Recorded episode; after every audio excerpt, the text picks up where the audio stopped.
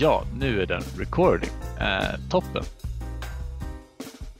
Varmt välkomna till det andra avsnittet av Högskolepodden, SFS jubileumssatsning där vi träffar diverse olika makthavare och pratar om högskolepolitik. Med oss idag har vi utbildningsutskottets ordförande Gunilla Svantorp. Det här kommer vara ett samtal mellan mig, SFS ordförande Simon Edström, Linn Svärd, SFS vice ordförande, tillika tillträdande ordförande och just Gunilla Svantorp. Så Gunilla, varmt välkommen! Tack så jättemycket! Och jag tänker vi sätter igång direkt. Gunilla, du är ju ordförande för riksdagens utbildningsutskott. Vad innebär det och vilka frågor hanterar ni egentligen?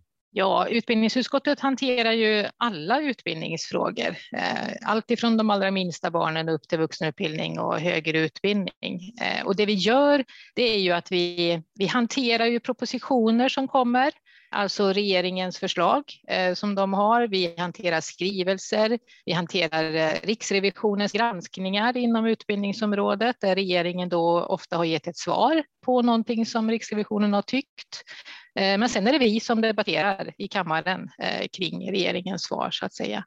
Och sen ett, en stor del som vi gör i utskottet är ju också att vi hanterar alla motionsbetänkanden. Alltså under allmänna motionstiden får ju alla riksdagsledamöter eh, tycka till om vad som helst, höll jag på att säga. Och det eh, klumpas sedan ihop i olika betänkanden som då till exempel handlar om gymnasieskolan eller grundskolan eller ja, någonting sånt. Och då har vi debatter eh, som vi då debatterar kring de olika motionsbetänkandena. Det tar en väldigt stor del av tiden. Sen är det klart att nu under pandemin så har ju pandemin tagit väldigt mycket tid. Eh, såklart, det måste den göra. Vi har ofta inne våra myndigheter, Skolverket, Skolinspektionen, SPSM, ja, Folkhälsomyndigheten, eh, SKR eh, och förstås våra statsråd som kommer och berättar om hur läget är. Så att vi, vi, det är lite skiftande vad vi gör. Ni blir lite nyfiken på det här med statsråden. Hur, hur nära jobbar ni inom utskottet med dem? väldigt nära skulle jag vilja säga. De är ofta på besök. Eh, dels har det varit så nu på grund av pandemin såklart att eh, utskottet vill veta hur eh, regeringen hanterar olika saker. Ibland kommer de själva, ibland kommer de tillsammans med Folkhälsomyndigheten eller tillsammans med Skolverket. Eh, och sen är de ju ofta hos oss i utskottet när vi hanterar EU-ärenden. Då måste ju eh, statsrådet eller statssekreteraren komma för att svara på våra frågor inför att EU-ärendena ska upp i EU-nämnden. Och sen är det klart att eh, beroende på vilka partier vi är så har man ju mer eller mindre kontakt med statsråden sen. Vi som är regeringsparti som jag tillhör, vi träffar ju också i vår eh, S-grupp, S och MP-grupp, eh, träffar ju statsråden regelbundet. Så visst är det så att det är riksdagens alla partier, eh, liksom riksdagsledamöter som sitter med i eh, utbildningsutskottet? Ja, man kan säga att utskotten är ju en miniriksdag. Alltså den ska ju spegla sammansättningen som finns i kammaren. Så vi är ju 17 ledamöter eh, ifrån åtta partier som då speglar sammansättningen i kammaren. Så det som, det som beslutas så att säga i utskottet är också det som sen blir i kammaren eh, när man fattar beslut där. Ja, det känns ju också intressant det här med att ni behandlar alla utbildningsfrågor. Men jag tänker vi på SFS jobbar ju framförallt med högre utbildning, det vill säga studier på universitet och högskola. Så jag tänker lite kring vad är din vision kring den högre utbildningen eller möjligtvis forskningen i Sverige? Det handlar ju framför allt om att, eh, att fler ska vilja plugga på högre utbildning, så som det egentligen har varit för oss socialdemokrater i många årtionden. Man kan ju bara titta på 50-talet när det fanns under 20 000 studenter eh, i landet och idag är det nästan 400 000 studenter. Det är klart att Socialdemokraterna har haft ett stort inflytande över att det är fler som faktiskt kan plugga Eh, på högre utbildning idag och det är ju någonting som, som är viktigt för oss. Men det är också viktigt att vi att vi bryter den snedrekryteringen som finns där familjebakgrunden spelar stor roll för om du fortsätter att plugga eller inte. Ehm, så att det, det, det, finns många olika frågor som är viktiga för oss, men det viktigaste är nog ändå att, att vi har många utbildningsplatser, för vi vet att kunskap är det som bygger vårt samhälle starkt. Och sen när det handlar om forskar, eh, alltså forskarsidan så handlar det ju om att fler behöver vilja bli forskare. Eh, och då måste ju också villkoren vara goda. Eh, för den som du vill eh, satsa på en forskarkarriär så att säga. Jag tänker det är väldigt intressant att, att höra, men jag tänker en följdfråga på det är ju många platser är ju såklart väldigt viktigt, möjliggör ju för väldigt många att kunna studera och det har ju länge varit liksom Socialdemokraterna, eller en av Socialdemokraternas väldigt tydliga hållning i högskolepolitiken att det ska finnas fler utbildningsplatser. Men någonting som vi hör ibland och som ofta kommer upp det är ju det här med liksom, kvaliteten på platserna. Ser du att det finns någon avvägning där mellan antalet platser och eh, kvaliteten på platserna, att vi behöver göra en avvägning där? Nej, alltså det är klart att kvaliteten är jätteviktig, men jag tycker att vi har ett bra kvalitetssäkringssystem. Eh, vi, vi, har ju UKÄ som tittar på utbildningarna och som, som direkt slår ner på, den, på de utbildningarna som inte har tillräckligt god kvalitet. Sen får man ett år på sig att rätta till och om man inte har rättat till det, ja men då får du lägga ner den utbildningen. Och ofta så handlar det ju om att man inte har tillräckligt många disputerade eh, personal på den utbildningen och då, då måste man lägga ner eller göra om och sen återkomma om några år. Så jag tycker inte att det finns en motsättning mellan eh, utbyggnad av, av utbildningsplatser och, och, kvalitet, utan det handlar ju mer om hur man använder resurserna.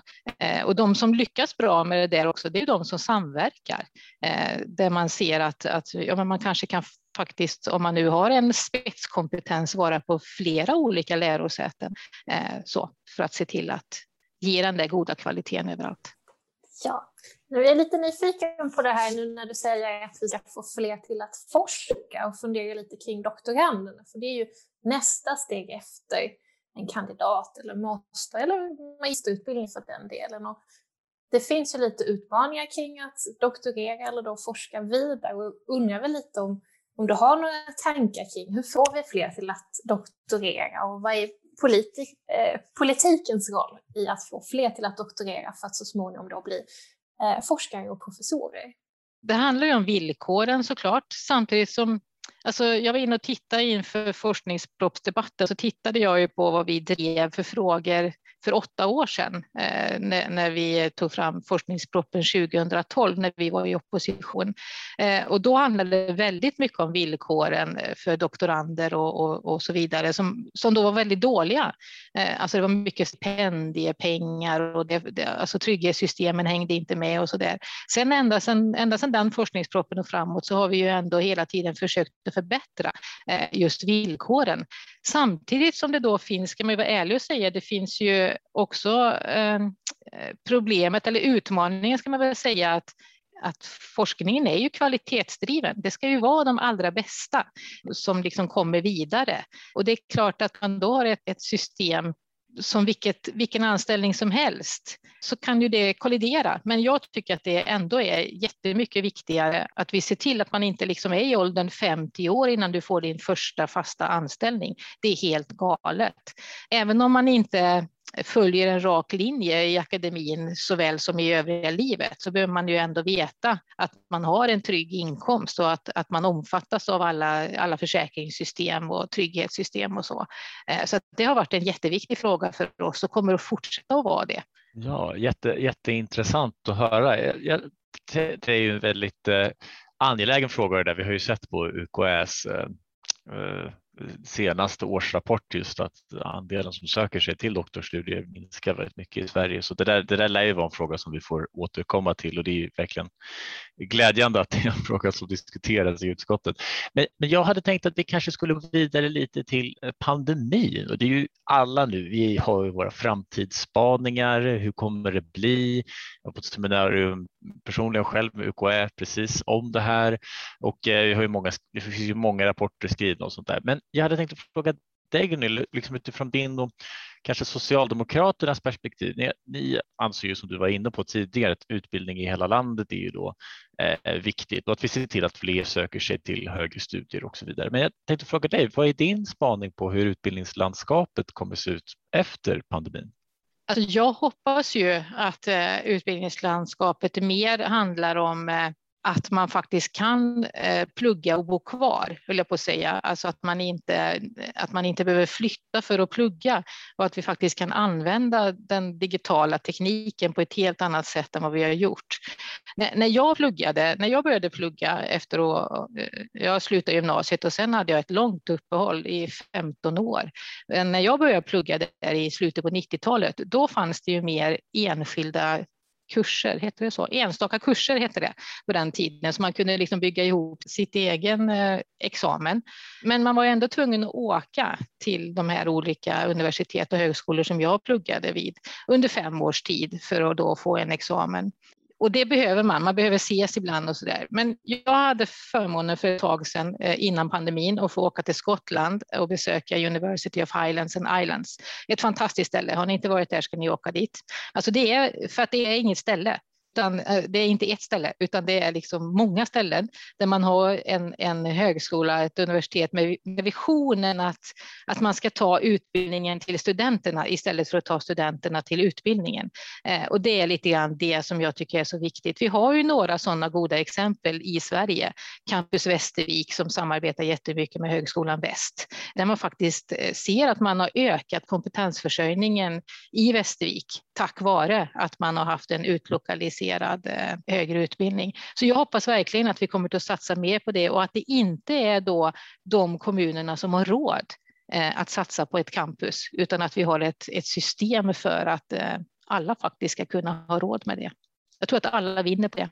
Det låter superintressant. Jag tänker Simon, det får kanske bli en liten tur för dig och mig att ta oss till Skottland och titta på det här. Men du ställer också lite frågor till sig vad, vad ser vi studenter?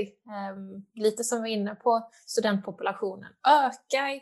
Jag antar att det kommer in lite nya personer, att det inte längre är en majoritet. Eller, för många gånger när vi pratar studenter så tänker vi just de här nya studenterna eller eleverna som precis har lämnat gymnasiet. Och så var det för mig och Simon när vi började plugga, att vi kom ju direkt. Men idag tror jag det ännu mer kommer att bli ehm, äldre personer eller personer med barn tänker jag för mig och Simon här blir det extra viktigt att ta med deras perspektiv också när vi framtidsspanar, och då, precis som du säger, att kanske mer vända på det. Utbildningen kommer ut i landet. Eller vad tycker du Simon? Ja, nej men verkligen. Det här är ett eh, intressant samtal. Jag tror att det kommer att bli en jättestor fråga för många studentkårer också, att se till att vi verkligen inkorporerar det här perspektivet av äldre studenter som kanske inte pluggar direkt eh, och, och kanske inte heller, kanske redan har en utbildning med sig. Och jag hade tänkt att kanske vi skulle prata lite med dig om det Gunilla också, om just det här med livslångt eh, lärande. För förra veckan när vi spelade in det här samtalet då, då så gick eh, forskningspropositionen igenom som heter Forskning, frihet och eh, framtid. Och i den så finns det just en klausul eh, som är ganska vagt skriven men som ändå står tydligt eh, att det ska stå i högskolelagen att eh, ja, livslångt lärande ska vara en del av lärosätenas verksamhet egentligen. Jag tänker, Gunilla, vad är er liksom, avsikt med det? Vad är det ni vill åstadkomma? Vad är liksom, vision med att när den har skrivits in i högskolelagen och liksom stått och jäst lite på högskolan ett tag, vad, hur kommer det se ut då? Ja, men alltså tanken är, alltså det är ju ett behov som finns idag. I, idag pluggar man ju inte en gång och sen är man färdig för resten av sitt liv eftersom samhället ställer ju så stora krav på omställning hela tiden. Och då är det ju också viktigt att, att våra utbildningsinstitutioner hänger med i, i det behovet som finns, att man återvänder, att det är självklarhet att man faktiskt återvänder till utbildning många gånger i sitt liv. Eh, och därför behöver den klausulen finnas med med. Den fanns ju med förr. Det stod ju den med i högskolelagen. Jag tror att det var det som gjorde att det då när jag pluggade på 90-talet fanns mer enstaka kurser där man kunde bygga på det man redan hade. Eh, det har varit mycket svårare på slutet eftersom väldigt mycket har varit inriktat just på program, på mångåriga program istället för att man kan bygga på de där byggstenarna som fattas. Men jag tror att det är viktigt och jag tror också att det behöver att vi behöver eh, samverka mycket mer kring eh, olika utbildningsformer också. Alltså man kanske kan bygga på någonting som man behöver på, på universiteten, men sen kanske yrkeshögskolan är, är det som, som är den sista byggstenen i ens utbildning, eller till och med en, en yrkesutbildning på gymnasial nivå för att man ska få någon spetskompetens. Så jag, jag tror att inte vi ska ha stuprör, utan vi behöver liksom mer jobba över alla gränser. Eh, men jag tror att det är en viktig signal att visa Eh, just för universitet och högskolor också att det här vill vi. Och jag hör ju från flera universitet, bland annat KTH som jag har hört nu, där de har tillsatt en grupp som faktiskt ska jobba med hur ska vi jobba med den här frågan. Det tycker jag är jättespännande att höra att man, att man verkligen tar den på allvar och, och inser att den är viktig. Verkligen. Jag tror att jag själv hörde från KTH att det var någonting i stil med 20 procent av all utbildning, hur man nu definierar det, på sikt ska vara just inom ramen för livslångt lärande. Så det, det är jätteintressant att det är så stort. Men eh, en fråga som det ställer, det är ju lite hur ska balansen mellan nya och gamla om man tänker så, mellan de utbildningar för de som redan har en examen och de som inte har en examen. Hur ska den funka? Hur ska vi konceptuellt tänka kring det? Men det är klart att riksdagen kan komma med nya medel och lärosätena kan avsätta en viss del av dem. Men kanske någonstans borde vi sträva efter att ha en konceptuell tanke om hur ska den här balansen se ut? Och vi på SFS har verkligen inga svar. Vi har, det här är en fråga som vi har funderat över. Eh, Gunilla, vad tror du om det, just den här balansen? Ja, nej, men det, det, är en, det, är en, viktig fråga samtidigt som, som vi har eh, självständigheten för, för våra högskolor och universitet att själva avgöra den. Eh, men jag tror också att söktrycket är alltså öppnar man upp så kommer vi ganska snart att se hur söktrycket ser ut. Eh, så. Jag tycker då som en väldigt bra ingång där att faktiskt kolla på vad finns det för söktryck för från SFS sida så tycker vi att studenternas efterfrågan ska vara det som väger tyngst, det vill säga vad är det våra presumtiva, alltså de kommande studenterna vill ha. Eh, och det är där vi också borde ha ett utbildningsutbud eller landskap. Och här kan det ju variera om det är program eller kurser, men att det är viktigt att just det, att vi tittar på verkligheten. Eh, vad är det vi ser fram? Och sen finns det ju andra aspekter i det också såklart, men det ligger någonstans utanför vårt eh, primära intresse. Men jag tänker, finns det någon annan aspekt i forskningspropositionen? För det är ändå innovationen lyfts fram och kunskapen. Vad mer är det du ser i den här forskningspropositionen? För den ska också ligga nu några år fram till om det är 2024. Mm. Nej, men alltså det finns mycket som, eh, som, är, som är bra tycker jag i, i forskningsproppen. Inte, inte minst att vi pratar väldigt mycket om vad just den här samverkan mellan samhälle, näringsliv och akademi faktiskt gör när, när det handlar om, eh, om excellent forskning där vi tar plats i, i internationella sammanhang som till exempel life Science-satsning eh, och så där. Det bygger ju på att vi har en, en god samverkan. Jag tycker personligen att bildningslyftet, det är en liten del av forskningsproppen, men den är väldigt, väldigt viktig just för humsamområdet, att, att vi faktiskt eh, lyfter fram att eh, att det hänger ihop, att tvärvetenskap eller vilken, vilken eh, alltså vad man nu kallar det för. Det är olika, olika namn på tvärvetenskap hela tiden, höll jag på att säga, men jag har lärt mig tvärvetenskap. Men alltså att det ändå hänger ihop, att, att man, eh, man behöver se på saker och ting ur olika perspektiv för att det ska bli riktigt bra. Och då behövs eh, också humsamområdet, eh, lika väl som den tekniska biten behövs också i humsamområdet och så vidare. Så jag tycker det är jätteviktigt. Men en sak som jag kanske ändå vill lyfta, det är just det här att, att vi ser att, eh, att vi vill stärka forskningsanknytningen, framför allt i professionsutbildningen. Jag tror att det är jätteviktigt, eh, för att det är ju det, för att återgå till den första frågan, det är ju det som man ofta faller på, att, eh, att eh, forsknings, i kvalitetshänseende, att forskningsanknytningen är för dålig. Och då behöver vi verkligen stärka den, för att om vi vill att hela Sverige ska leva. Och det är väl glädjande att se nu att, att söktrycket ökar just till professionsutbildningarna runt om i Sverige. Men då måste också kvaliteten hänger med. Ja, jag delar din bild däremot. Det är glädjande att se framförallt eh, sjuksköterskor just i den här tiden, men även då läraryrket. Ehm, det är också ett sånt yrke som ofta debatteras och ska in och pillas i, så att jag hoppas att det kan få lite ro eh, så att vi också kan utbilda lärare som kan få komma ut och faktiskt möta elever eller studenter i, i det viktiga mötet.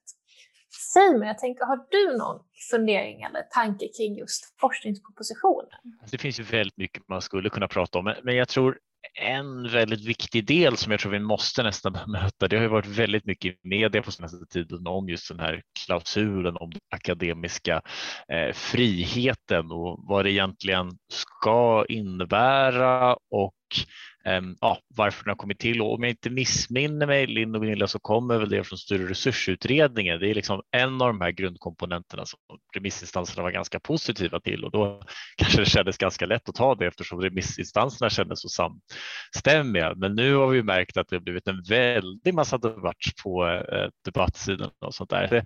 Jag tänker, kan, kan vi fråga där, eh, liksom samma sak egentligen Gunilla, när, när ni ser nu att den här, för den kommer ju skrivas in i högskolelagen, när, när den har skrivits in i högskolelagen.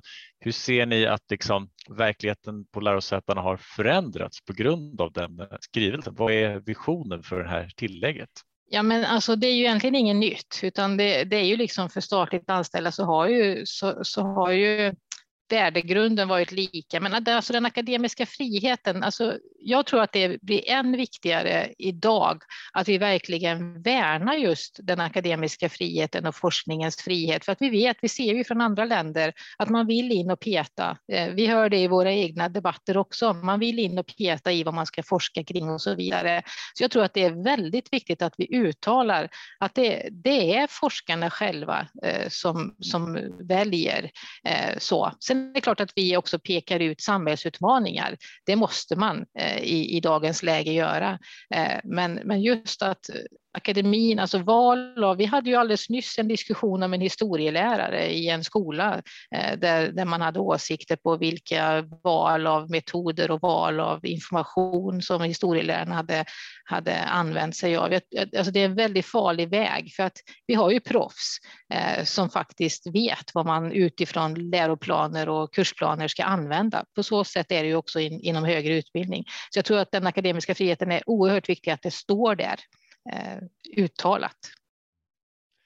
Men då måste jag ändå ställa en, en följdfråga här. För jag tror att, eh, läser man i förarbetena och den intentionen som fanns i strut var ju ganska mycket att det skulle handla om att om det skulle komma sig en ökad autonomi och lärosätena alltså skulle kunna göra lite mer vad de vill och sådana där saker, då måste det balanseras på något sätt med att det finns ändå vissa grundstaplar man måste följa och det, det inledde du med. Men Eh, liksom, kommer den här lagen skydda från, som du är mer inne på, det politiska inflytandet? Att vi kanske har vissa partier som ja, skickar lite olämpliga mejl och har olämpliga åsikter om vissa ämnen och sånt där. Kommer den här lagen eh, motverka sådana ingrepp?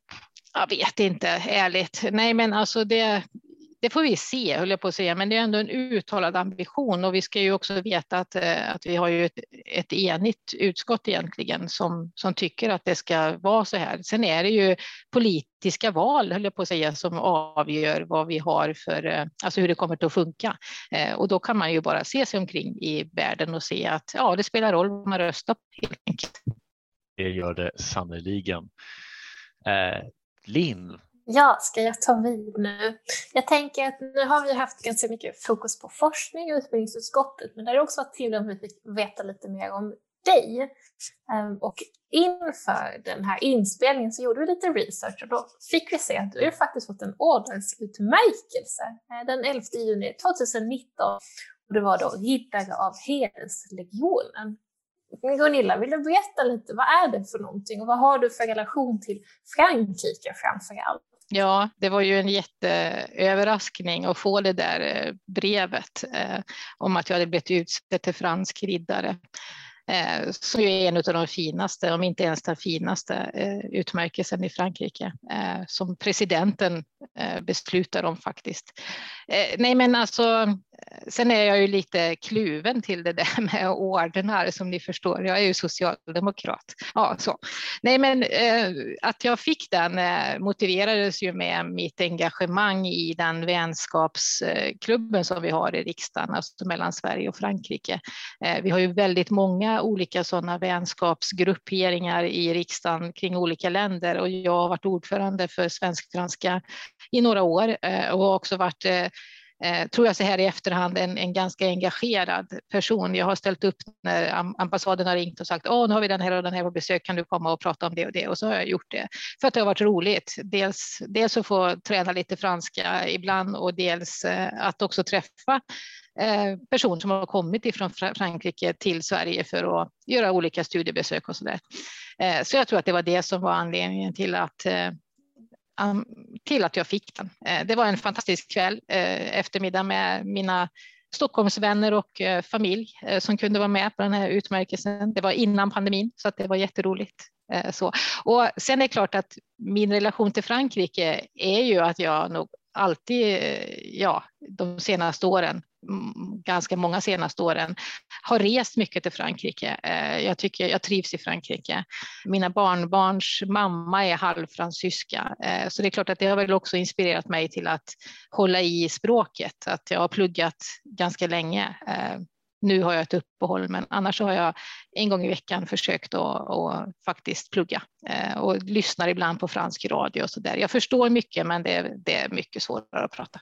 Ja, det är inte ett helt enkelt eh, språk och det låter ju också väldigt glädjande från min sida att du ändå fortsätter att bilda dig och ta till dig kunskap och utvecklas. Jag blir lite nyfiken och tänker lite själv så här, om jag hade fått en ordensutmärkelse. som Lunda student så är jag ju såklart med i någon orden men det är ju inte alls lika seriöst utan det är kanske större fokus på att få en medalj och gå på lite festligheter. Mm. Jo, men det är ju så. Man får ju en fin, eh, man får ju en fin medalj att sätta på långklänningen när man ska gå på fina fester, vilket vi inte har gjort på ganska länge nu. Men, ja. Ja, jag hoppas att vi nästa år får ses på SFS 100-årsbankett. Det blir kul. Ja, jag, jag, jag, såg faktiskt en person som hade en sån utmärkelse för, på en fest för några år sedan och så frågade jag vad är det där för utmärkelse och så svarade han på brytning på franska. Så om du inte vet det kommer jag inte säga. Väldigt kaxigt. Alltså, ja, det gäller att göra sin research för de olika ordensutmärkelserna lärde jag mig då. Uh, jättekul. Uh, någonting annat som jag hade tänkt att, att, att fråga om är ju, nämnde ju lite det nu, men, men jag tänker vad har du själv för utbildningsbakgrund och så där? Vad, vad har du pluggat och vad har varit din väg till att vara ordförande för riksdagens utbildningsutskott? Ja, alltså jag är ju en sån där som har haft en ganska krokig resa. Jag gick eh, treårig ekonomisk linje, hette det på den tiden när jag gick. Eh, helt fel val, för jag valde bort allt som hade med ekonomi att göra och läste socialkunskap och andra saker.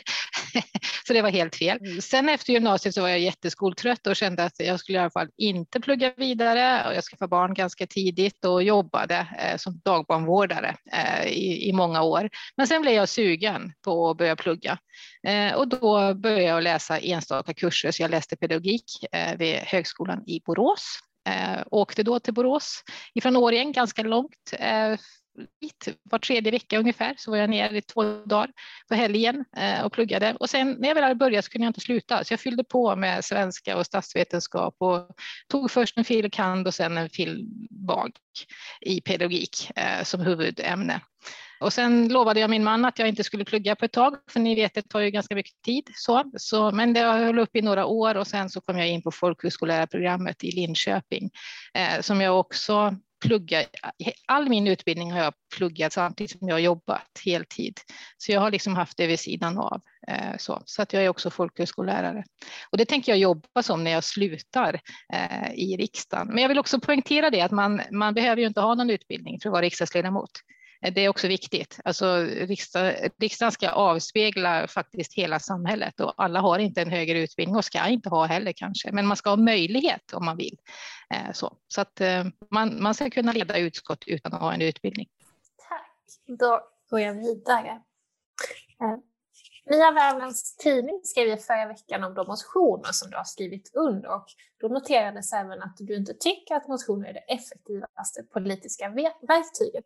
Och då blir jag ju nyfiken. Vilket verktyg tycker du är det mest effektiva? Ja, nej, alltså jag tycker att motioner är dåligt använd tid eftersom vi vet att 99 procent avslås på grund av att det man ofta vill i motionen redan pågår.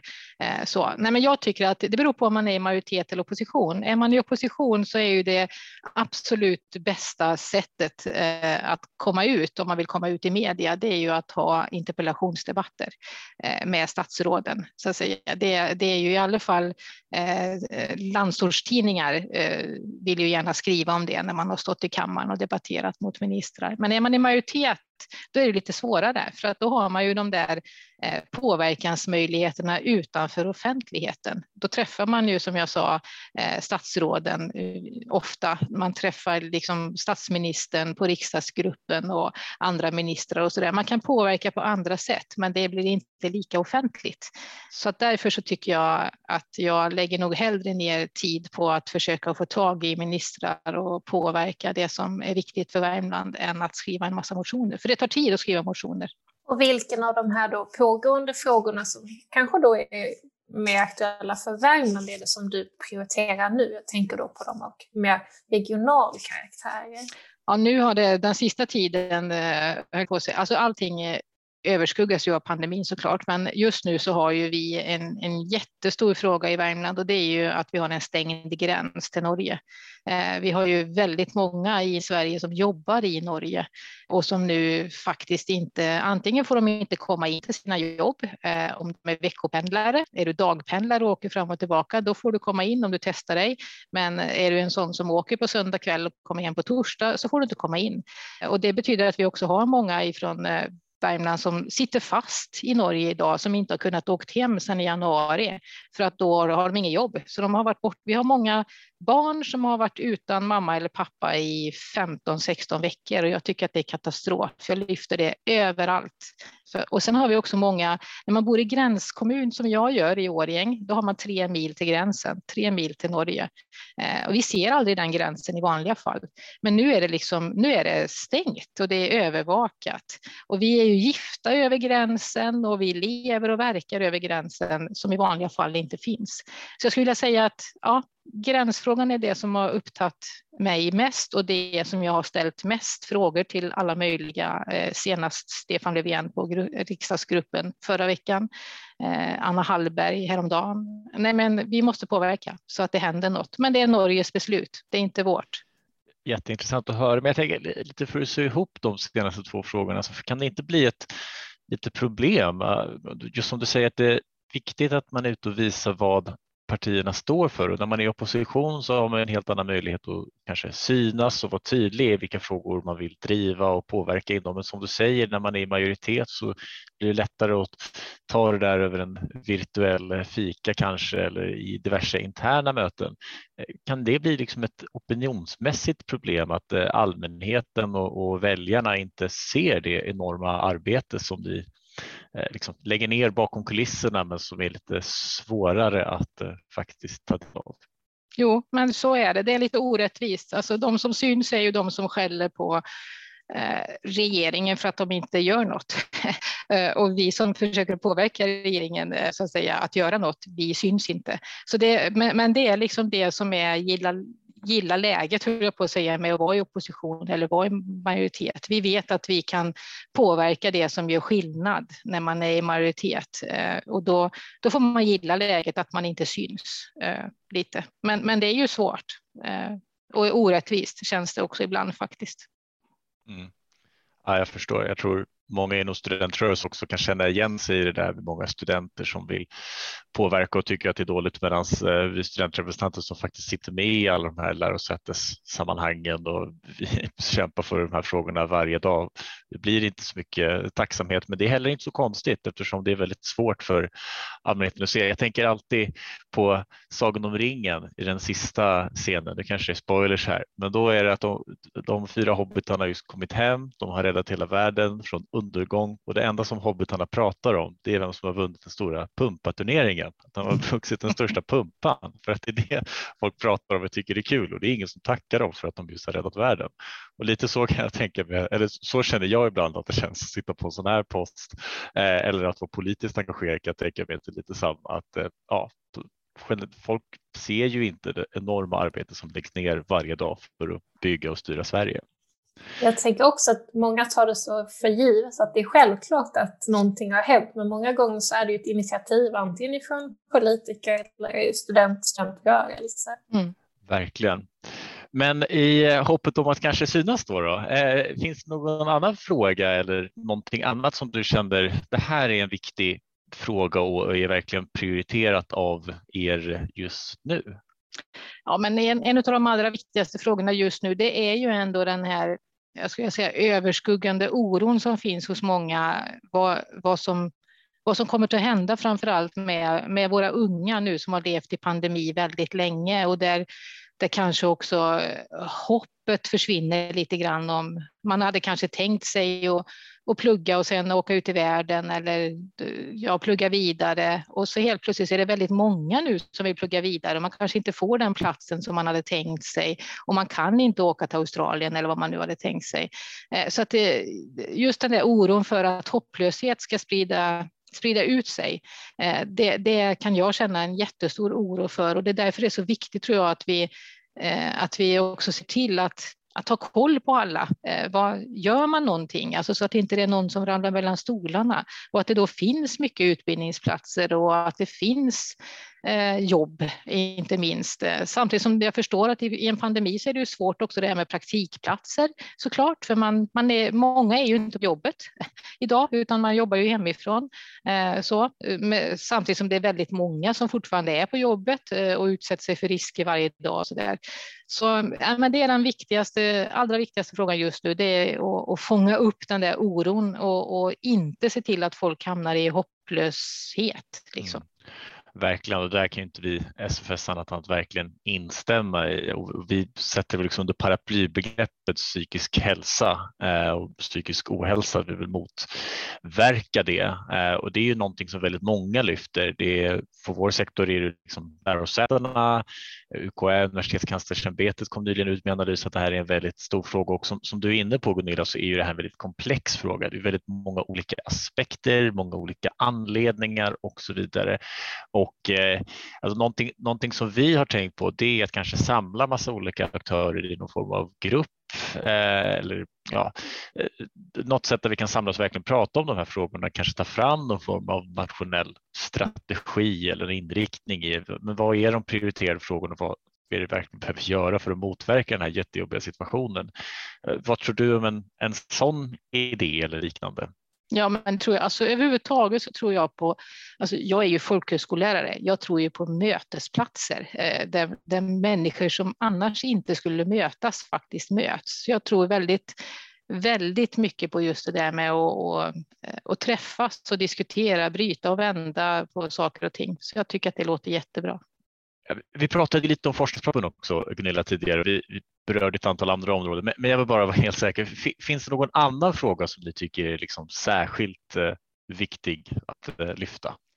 Ja, en, en sak som, som är väldigt viktig för oss, vi som ändå tycker att hela Sverige ska kunna leva och att man ska kunna plugga överallt, det är ju just förstärkningen av basanslagen.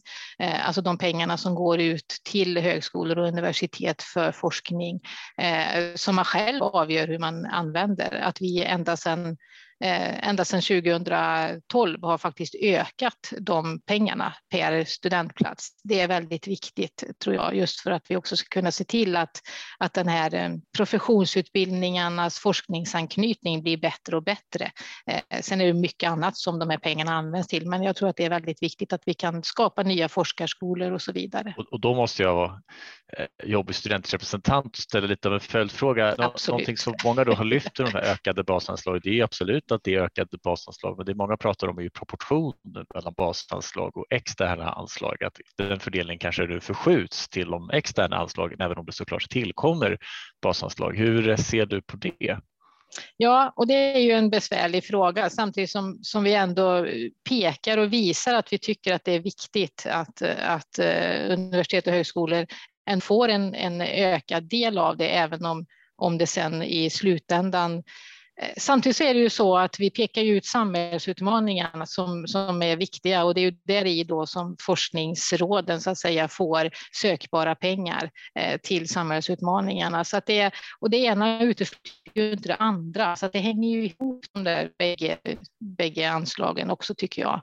Eh, det ser vi ju att många använder ju bägge så att säga för att kunna eh, forska antingen på någonting som man själv tycker är viktigt ifrån eh, universitet och högskolor eller någonting som man kan eh, säga är en samhällsutmaning. En följdfråga på det är ju då i så fall, liksom, ni politiken pekar ut ett antal samhällsutmaningar. Tror ni att lärosätena är sämre på att identifiera de här olika samhällsutmaningarna eh, eller generellt att identifiera de viktiga forskningsområden? Eller handlar det kanske mer om att eh, ni känner ett starkt behov av att visa att ni förvaltar alla de här 10 miljarders pengarna på ett eh, bra sätt?